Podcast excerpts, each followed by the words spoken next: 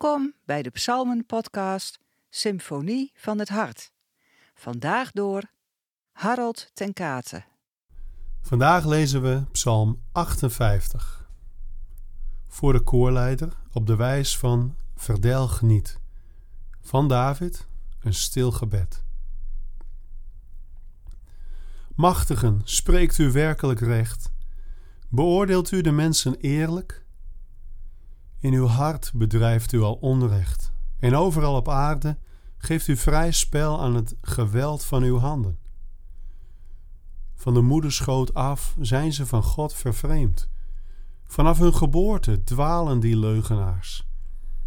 Giftig zijn ze als een bijtende adder, doof als een slang die zijn oren sluit, die niet luistert naar de stem van zijn bezweerders, hoe bedreven zij hun spreuken ook zeggen.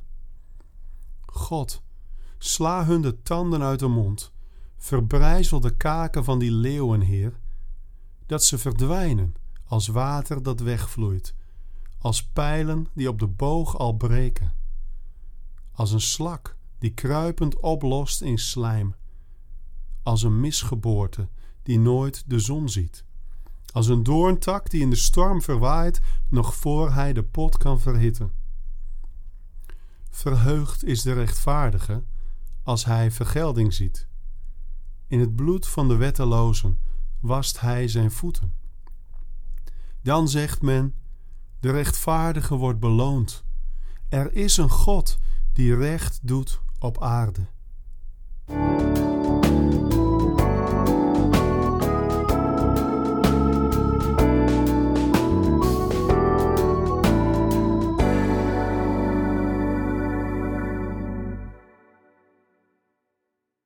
Op een avond kwam onze kat thuis met een wond aan haar voorpoot. Ze was in een stuk glas getrapt en dat bloedde nogal. Pogingen om de wond te verbinden mislukten. Steeds krabde ze het irritante verbandje van haar poot. Pas de volgende morgen konden we bij de dierenarts terecht, dus moesten we de nacht zien te overbruggen. Omdat ze in de bench in totale paniek raakte, zat er niets anders op. Vannacht moest ze met dat nog licht bloedende pootje in de hal overnachten. Bij de dierenarts was de volgende morgen alles weer vlot in orde. Maar onze hal zag er niet uit. De witte vloertegels kleurden viezig rood met vuile vegen. Dweilenders met goed veel sop. Maar die geur had ik de rest van de dag nog in mijn neus. De scherpe geur van bloed. Misselijkmakend. Eenzelfde misselijkheid kan je ook overvallen bij het lezen van deze psalm. Vooral als je leest dat de rechtvaardigen vol vreugde hun voeten wassen in het bloed van de wettelozen. Misselijkmakend. Hoe kom je ertoe zoiets op te schrijven? Laat staan te zingen. Misschien moeten we de vraag anders stellen. Hoe zwaar moet een mens lijden voordat hij op zo'n uitkomst gaat hopen.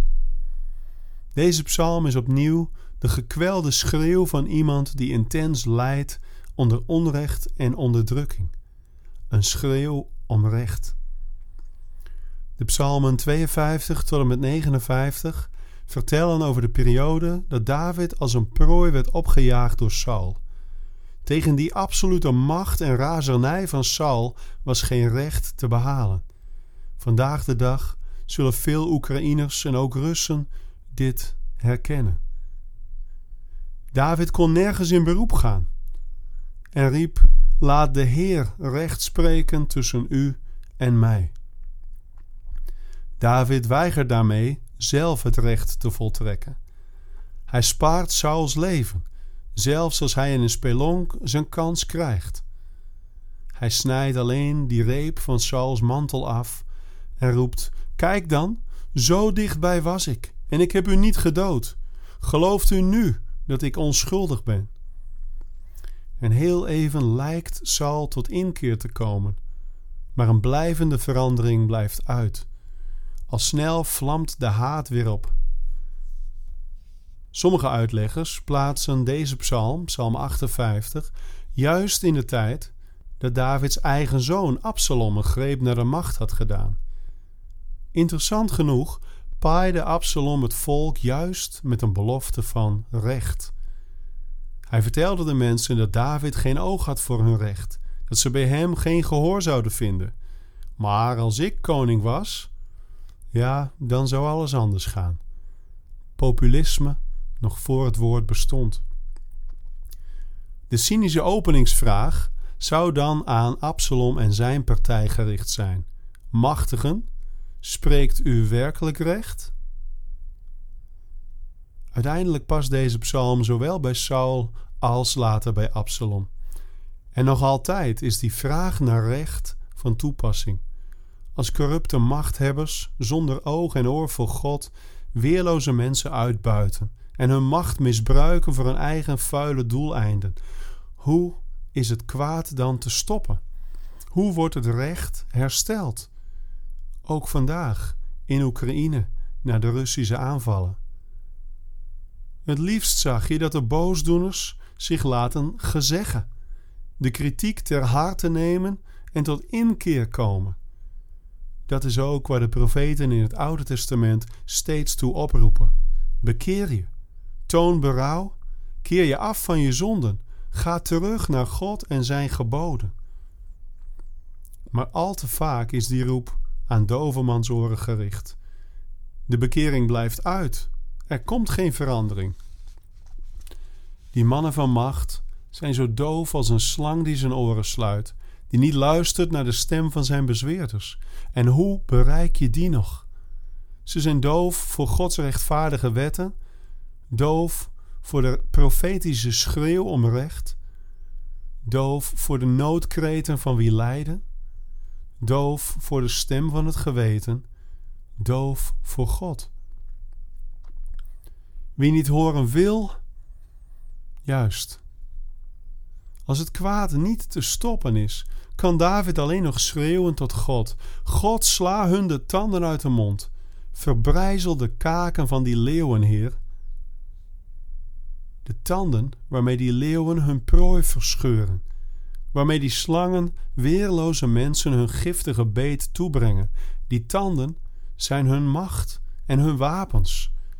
David vraagt God: sla ze die wapens uit handen, stoot ze van hun troon, maak ze tandeloos, zodat ze niemand meer kunnen verscheuren. In 2003, na de val van Saddam Hussein, sleurden Irakezen juichend zijn neergehaalde standbeelden door de straten. In 1945, bij de dood van Adolf Hitler, juichte Europa na al die jaren van misselijkmakend bloedvergieten. Eeuwen daarvoor juichte Israël aan de oever van de Rietzee toen Farao's leger was verdronken.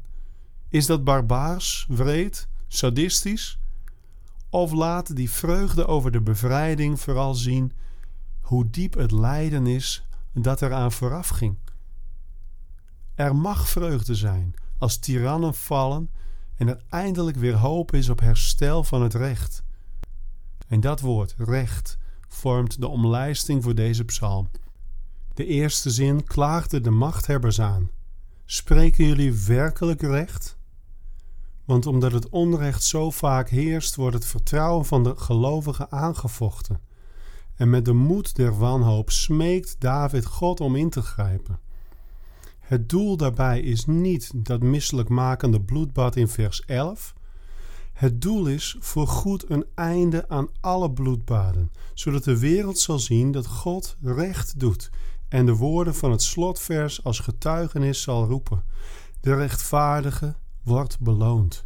Er is een God die recht doet op aarde. Om die wereld leert Jezus ons bidden. Laat uw koninkrijk komen. Laat uw wil worden gedaan, op aarde zoals in de hemel. En verlos ons van de boze, want van u is het koninkrijk, de kracht en de heerlijkheid tot in eeuwigheid. Amen. Música